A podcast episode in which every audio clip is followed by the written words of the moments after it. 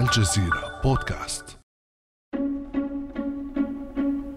نحن في بدايات العام 2019 مرشحو الرئاسة في الانتخابات الأمريكية يقدمون وعودهم الانتخابية We're going to defeat the radical socialist. This is your campaign.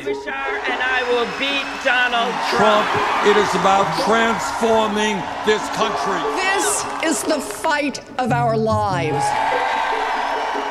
هنا تبدو المرشحة إليزابيث وورن جريئة في انتقادها عمالقة التكنولوجيا. Let's put it this way. They are huge, they have market. إنها شركات ضخمة. إنها تحتكر وتهيمن على السوق وتتصرف كالمحتكرين. وهذا سبب كاف لتفكيكها. قم بتفكيك هذه الشركات وسيصبح لدينا سوق أكثر تنافسية في أمريكا. هذه هي الطريقة التي يجب أن تعمل بها الرأسمالية. كانت إليزابيث وورن أول مرشح رئاسي أمريكي يفتح النار على شركات التكنولوجيا العملاقة ثم سرعان ما انهالت بعدها الانتقادات الحادة على شركات التكنولوجيا من باقي المرشحين الرئاسيين مثل دونالد ترامب وهيلاري كلينتون وبرني ساندرز. أعتقد أن جوجل وتويتر وفيسبوك جميعها تسير في منطقة مضطربة للغاية. عليهم الحذر. فهذا ليس عدلا لشرائح كبيرة من السكان. أشعر حقا بخيبة أمل بسبب الكثير من شركات التكنولوجيا. أعتقد أننا بحاجة إلى تشريع قوي لمكافحة الاحتكار في هذا البلد. لديهم سلطة لا تصدق على الاقتصاد على الحياة السياسية لهذا البلد بشكل خطير للغاية. بعد فترة وجيزة من هذه الانتقادات تزلزلت الأرض. تحت أقدام أربع شركات ضخمة في واشنطن. هي أبل وجوجل وأمازون وفيسبوك. وفي غضون أسبوع واحد في يونيو من عام 2019 أعلنت كل من وزارة العدل ولجنة التجارة الفيدرالية والمدعين العامين بالولاية فتح تحقيقات بأعمال تلك الشركات. وما بدأ بوعود انتخابية من المرشحة المنسحبة إليزابيث وورن تحول في الواقع. إلى تحقيق يضج بتهم الاحتكار وإقصاء المنافسين. اليوم وقد تواجه هذه الشركات تحقيقات واستجوابات أمام الكونغرس الأمريكي حول حجمها وقوتها. كيف ستتصدى هذه الشركات للاتهامات الموجهة إليها؟ وما هي بواعث القلق الرئيسية بشأنها في الأساس؟ بعد أمس من الجزيرة بودكاست أنا خديجة بن جنة.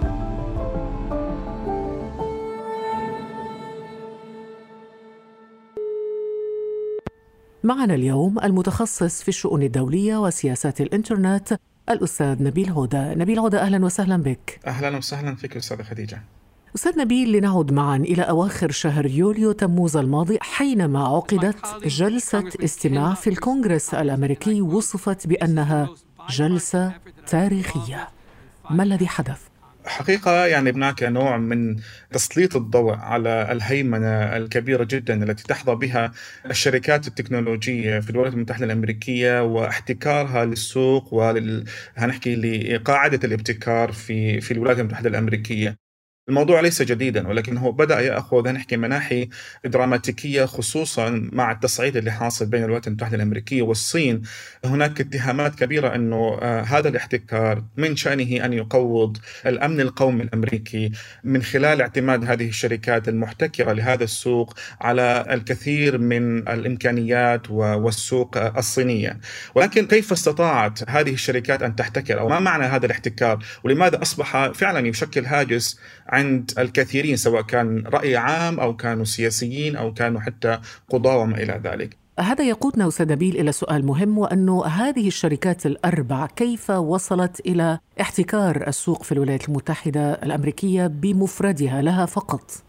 خديجة هنا يجب التأكيد على شيء مهم جدا. إحنا الآن نعيش ما يمكن أن يطلق عليه بنظام المنصات أو ال platform ecosystem حقيقة تسيطر بشكل مهول جدا على هذه البنية الرقمية أو البنية التكنولوجية. من خلالها نستطيع مثلا أن ندير تدفقات البيانات ومعالجتها وتخزينها. ليس هذا فحسب وهي تشمل كثير من الخدمات منها محركات البحث والمتصفحات مثلا خوادم البيانات الحوسبة السحابية وبسموها ال cloud computing البريد الإلكتروني والرسائل الفورية. طبعا الشبكات الاجتماعية وال social media والإعلانات ومتاجر التطبيقات وحتى أنظمة الدفع أيضا. يعني الآن تستطيع أن تدفعي بشكل سلس جدا عن طريق بعض تطبيقات فيسبوك أو جوجل بالإضافة طبعا تطبيقات الفيديو وما إلى ذلك. هذه البنية التحتية سيطرت بشكل كبير جدا على هذه البيئة الرقمية. لذلك احتكرت هذا السوق بشكل مخيف جدا. على سبيل المثال خديجة يعني شركة زي ألفابت اللي هي المظلة التي تعمل من خلالها جوجل لاحظي على ماذا تسيطر. تسيطر على محرك البحث جوجل. تخيل أنك تعيشين في عالم ليس فيه جوجل الآن. كيف سيكون الأمر؟ صعب. مستحيل. تخيلي مثلا أيضا تسيطر جوجل على نظام التشغيل الجوال اللي هو أندرويد أو متصفح الويب كروم أو خدمات حتى التواصل الاجتماعي اللي هي ال Google Plus أيضا تسيطر على ال Google Play أيضا تسيطر على خدمات الدفع مثل Google Wallet أو ال Android Pay طبعا هناك خدمات الإعلام اللي هي الإعلانية عفوا اللي هي ال AdSense أو كمان حتى موقع المشهور جدا في موضوع المشاركة الفيديوهات يوتيوب. طبعا إحنا إذا بدك نضيف كمان موضوع الخرائط ال Google Earth وما إلى ذلك. لاحظي شركة واحدة زي جوجل على كم الهائل من الخدمات التي تسيطر عليه. وكل خدمة ترى أستاذة خديجة كل خدمة تستطيع أن تكون شركة مستقلة. يعني يوتيوب تستطيع أن تكون شركة مستقلة ولكن هي ضمن خدمات وشركة ألفابت. لذلك استطاعت هذه الشركات أن تسيطر على هذه الخدمات. مثلا جوجل وفيسبوك كليهما يسيطر على 80% من سوق خدمات شبكات التواصل الاجتماعي. كليهما جوجل وفيسبوك يسيطر على 60% من سوق الاعلانات عن طريق الإنترنت فهذا شيء مهول جدا وعندما نقول ربما نبيل يعني نأخذ كل شركة لحالها تحتها تحت مظلتها نجد أيضا فروع أخرى يعني تحت فيسبوك لديك الإنستغرام والواتساب وغير ذلك طبعا هذا شيء مشروع سيقول لك قائل ولكن ما هي التهم يعني الموجهة لكل شركة على حدة بماذا تتهم جوجل؟ بماذا تتهم أمازون؟ بماذا يتهم فيسبوك؟ وبماذا تتهم أبل مثلا؟ ما هي التهم الموجهة إليهم؟ خديجة الاتهامات هي بشكل عام تتعلق بالاحتكار مثلا موضوع الاستحواذ الغير المبرر بعض الأحيان ممكن أن نقول. يعني إذا أردنا أن نفرد الاتهامات كل شركة على حدة مثلا فيسبوك تعرضت لاستجواب فيما يتعلق بموضوع الاستحواذ أو الاحتكار على الشركات المنافسة. مثلا النائب جيرد نادلر كشف بعض الرسائل السابقة لمدير فيسبوك. مارك فيما يتعلق مثلا بنظرته لشركة إنستغرام عام 2012 التي كانت لسه يعني تخرج إلى العلن وتنافس فيسبوك فيما يتعلق بخدمة مشاركة الصور.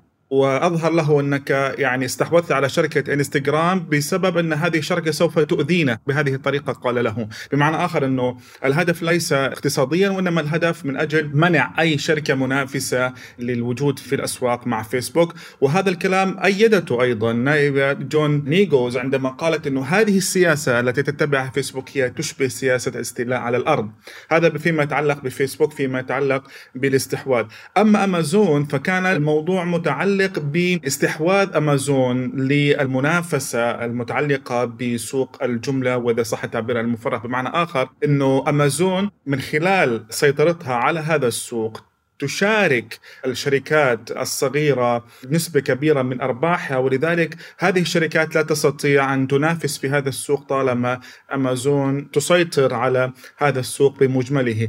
جوجل مثلا على سبيل المثال كان هناك اتهام مباشر في موضوع ما يسموه سرقة المحتوى لبناء مثلا المنفعة الخاصة. يعني جوجل من خلال اطلاعها ومن خلال محرك البحث لديها قادرة على تصنيف البيانات بطريقة تخدم المنتجات أو تخدم الشركات التي تعلن عندها يعني على حساب الشركات التي لا تعلن عندها. موضوع فلترة هذه المعلومات يدعم أو يعطيها الامتياز لدعم الشركات التي تعلن عندها مقابل إهمال الشركات التي التي لا تعلن عندها أو لا تتعامل معها، فيما يتعلق مثلا في أبل هناك كان اتهام مباشر فيما يتعلق بأخذ عمولة على التطبيقات التي تستخدم ال ecosystem تبع شركة أبل مثل شركة سبوتيفاي، كانت تقريبا شركة أبل تأخذ ما يقارب 30% عمولة على المبيعات والاشتراكات داخل تطبيق Apple Store على سبيل المثال، هذه أغلب الاتهامات، نعم. كيف دافع رؤساء الشركات الأربع جوجل أبل أمازون وفيسبوك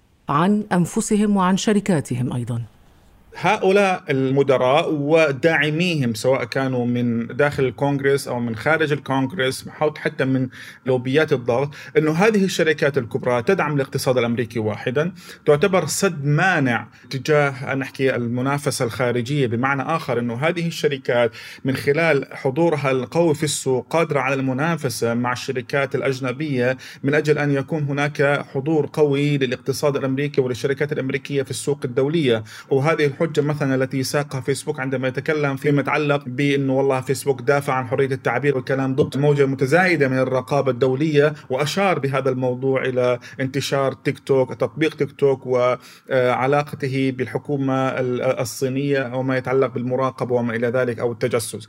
فهذه الشركات هي التي تستطيع أن تجعل السوق الأمريكي أو أمريكا قادرة على المنافسة فيما يتعلق بتكنولوجيات الجيل التالي خصوصا الذكاء الاصطناعي. إذا تم تفتيت هذه الشركات أو تقسيمها يمكن أن تضعف المنافسة أو القدرة التنافسية للولايات المتحدة الأمريكية فيما يتعلق بإنتاج الجيل الثاني من التكنولوجيا. نعم. نبيل تعرف بماذا يذكرني هذا المشهد؟ نعم. مشهد المدراء التنفيذيين للشركات الأربع وهم يقفون في الكونغرس. نعم. يذكرني بجلسة مشابهة وإن كان الموضوع مختلف لكن كان في جلسة مشابهة في سنة 1994 كانت هناك جلسة ربما من أكثر الجلسات شهرة في تاريخ الكونغرس عندما خضع أيضا سبعة مدراء تنفيذيين للتحقيق أمام الكونغرس بشأن المضار التي تلحقها شركات التبغ بالمستهلكين. If you raise your right hand, you swear truth and nothing but إن رفعت يدك اليمنى هل تقسم بالحقيقة ولا شيء غير الحقيقة؟ أقسم. أقسم. أولا أود أن نبدأ من أسفل الصف. هل تعتقد أن النيكوتين لا يسبب الإدمان؟ أعتقد أن النيكوتين لا يسبب الإدمان. نعم. السيد جونسون؟ عضو الكونغرس السجائر والنيكوتين من الواضح أنها لا تتوافق مع التعريفات الكلاسيكية للإدمان إنها لا تسبب التسمم. سنعتبر ذلك نفيا. جلسات الاستماع بشأن التبغ كانت بداية تغييرات خطيرة للغاية في كيفية تنظيم الولايات المتحدة لعمل شركات التدخين. كانت هناك إصلاحات كبيرة، كان هناك غرامات ضخمة، وكانت تلك الجلسات فعلا نقطة تحول لافتة في عمل شركات التبغ. هل يبدو الأمر مماثلا هذه المرة بالنسبة لشركات التكنولوجيا آبل أمازون فيسبوك وجوجل؟ بمعنى هل تعد هذه الجلسة نقطة تحول في تنظيم العمل بمجال التكنولوجيا بالولايات المتحدة؟ أعتقد إنه يعني المسار قد بدأ لكن هل يستطيع الكونغرس مثلا أو هنحكي السلطة التشريعية فرض مثل هذا الأمر على شركات التكنولوجيا؟ هذا يعني حدث مع شركات كثيرة حتى مع شركات الاتصالات القديمة أو حتى مع شركات سكك الحديد وما إلى ذلك. لكن هل سوف تنجح مع شركات التكنولوجيا أنا أحسب إنه في قياس مع الفارق. عندما نتكلم عن شركات النيكوتين خديجة هناك منتج مادي نلمسه بأيدينا. لكن عندما نتكلم عن الشركات التكنولوجية ليس هناك منتج مادي. هناك بيانات هناك يعني virtual هناك شيء افتراضي لا يمكن السيطرة عليه حتى لو أنت يعني قمت بتقسيم هذه الشركات أو بتفتيتها أو بمكافحة الاحتكار آه، التي تمارسه، يعني مثلا خديجة لاحظي معي فيسبوك، يعني فيسبوك بتسيطر مثلا على تطبيقات الجوال الخلوي اللي هي فيسبوك، ماسنجر، انستغرام، واتساب، تمام؟ هذه لحالها تسيطر بشكل كبير جدا تقريبا 80% على تدفقات المعلومات الشخصية، إحنا على فرض إنه أصبح هناك فصل لفيسبوك عن واتساب وعن انستغرام، هذا لا يعني إنه هذه البيانات التي لا تجمع لا يمكن تخزينها في سيرفرات واحدة وبالتالي الاستفادة منها في هناك في ال profit بالمنفعة الاقتصادية لفيسبوك التي تجنيها وحتى السياسيه ولاحظنا ذلك في الانتخابات الأمريكية نعم. السابقة. يعني أنا أعتقد إنه حكيت لك يعني إحنا ممكن حتى يعني بعض هاي الشركات تلعب هذه اللعبة بحيث إنه تضع هناك إدارات منفصلة لفيسبوك أو لإنستغرام لكنها تبقى تابعة من ناحية ال structure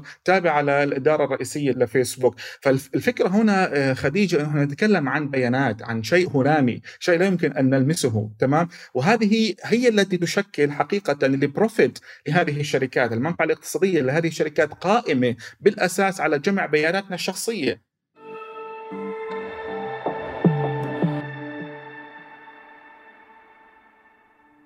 ابدأ بالاستماع الآن ولا تنسى تفعيل زر الاشتراك الموجود في تطبيقك. لتصلك حلقاتنا اليومية فور صدورها. ابقى على تواصل مستمر مع الجزيرة بودكاست عبر صفحاتنا على فيسبوك، تويتر وإنستغرام.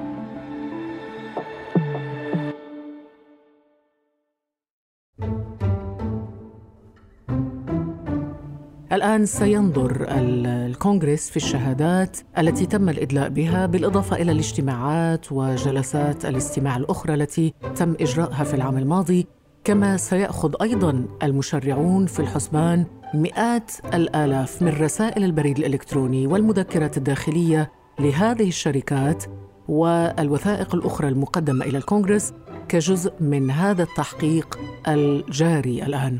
هل من توقعات بخصوص النتائج التي يمكن أن يصل إليها هذا التحقيق ربما في الأسابيع المقبلة؟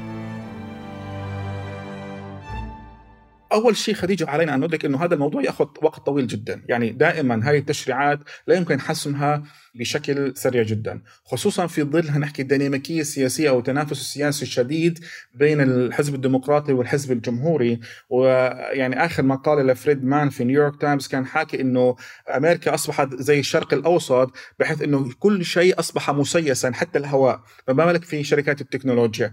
الحديث عن شركات التكنولوجيا يعني لا يمكن فصلها إطلاقا عن نحكي ديناميكية التنافس السياسي بين الحزب الجمهوري والحزب الديمقراطي ولذلك هذا الموضوع يمكن يمكن أن يأخذ يعني مدى طويل. ولكن مقاضاة هذه الشركات هل تعتقد أنها مسألة سهلة وممكنة؟ لا يوجد مقاضاة هنا بالمعنى الحرفي للكلمة لأن هي لن ترتكب جناية إذا صح التعبير. هي تمارس حقها في موضوع الابتكار في موضوع شرية الشركات الصاعدة والجديدة والاستثمار فيها. ليست هناك يعني ليست هناك جناية. الفكرة هنا تنظيم هذه البيئة خديجة. يعني طب أقصى ما يمكن أن يحصل؟ أقصى ما يمكن أن يحصل إنه يفرضوا على هذه الشركات نوع مم. من التفكيك المنظم. زي ما خبرتك إنه ممكن فيسبوك بدل ما هي شركة واحدة تصبح أربع شركات مثلا. أمازون يمنعوها مثلا. أمازون في شغلة مهمة جدا هي عاملة زي الحكومات العربية في بعض الأحيان. إنه أي واحد بيجي تستثمر في الدولة العربية يجب أن تشاركه الحكومة صح ولا لا؟ نعم. يعني لازم الحكومة تصير شريك. معه في في في هذا الاستثمار صحيح. امازون عم تعمل نفس الشيء خديجة أي حدا بيستخدم منصتها امازون بتشاركه بهاي المنصة أو بتشاركه في هذه ال business مم. فممكن يفرضوا على امازون إنه أي حدا بيستخدم المنصة okay لا يجب عليك أنت كشركة أم أن تشاركي هذه المنصة الوليدة أو هذه المنصة الصغيرة أو هذه ال business المبتدئ مم. تمام ففي بعض التشريعات ممكن أن يلعب فيها الكونغرس لكن بالأخير خديجة أنا لا أعتقد إنه إحنا رايحين باتجاه تفكيك هذه الشركات بالمعنى الحرفي للكلمة أي تصغيرها وإنهائها ليش؟ لأنه هذه الشركات تعتبر إلى الآن حسب يعني وجهة النظر الرسمية الأمريكية انه خط دفاع أول عن الاقتصاد الأمريكي والأمن القومي الأمريكي لأنه هذه الشركات تدخل بشراكات كبيرة جدا مع يعني المؤسسات الأمريكية الرسمية خصوصا البنتاغون مثلا. طب لو ضيق عليها لو افترضنا هذا الافتراض هل يمكن أن تعوض هذه الشركات ربما ما تخسره من نفوذ وقوة داخل أمريكا بالاستفادة من أسواق الدول الأخرى؟ هذا أمر وارد وبالإضافة أصلا تفكيكها خديجة لن يؤثر عليها بشكل كبير جدا، طبعا هناك كلام إنه يا جماعة الخير تفكيك هذه الشركات سوف يضعفها، هذا الكلام مش صحيح، يعني على فرض إنه فيسبوك تم تفكيكها إلى ثلاث شركات، سوف يبقى فيسبوك نفسه كمنصه يحتوي أكثر من 2.5 مليار مستخدم، فهو لن يؤثر عليه ذلك، يعني سواء كان فيسبوك معه إنستغرام ومعه واتساب أو لا، سوف تبقى فيسبوك تسيطر على 2.5 مليار مستخدم يعني بشكل الفاعل يوميا فأنا قصدي هذه الشركات عملاقة بشكل حتى لو تم يعني نوعا ما فرض بعض الإجراءات عليها من أجل منع الاحتكار سوف تبقى قوية وتستطيع أن تنافس ليس فقط محليا وإنما أيضا دوليا. إذا الاحتكار أو هذه الجلسات بالأحرى لن تؤدي إلى قتل هذه الشركات، ربما تفكيكها كما ذكرت نبيل ولكن ليس قتل هذه الشركات أو نهايتها. شكرا لك نبيل عودة المتخصص في الشؤون الدولية وسياسات الإنترنت، كنت معنا من إسطنبول، شكرا جزيلا لك. يعطيك العافية أستاذ خديجة، شكرا جزيلا لك. كان هذا بعد أمس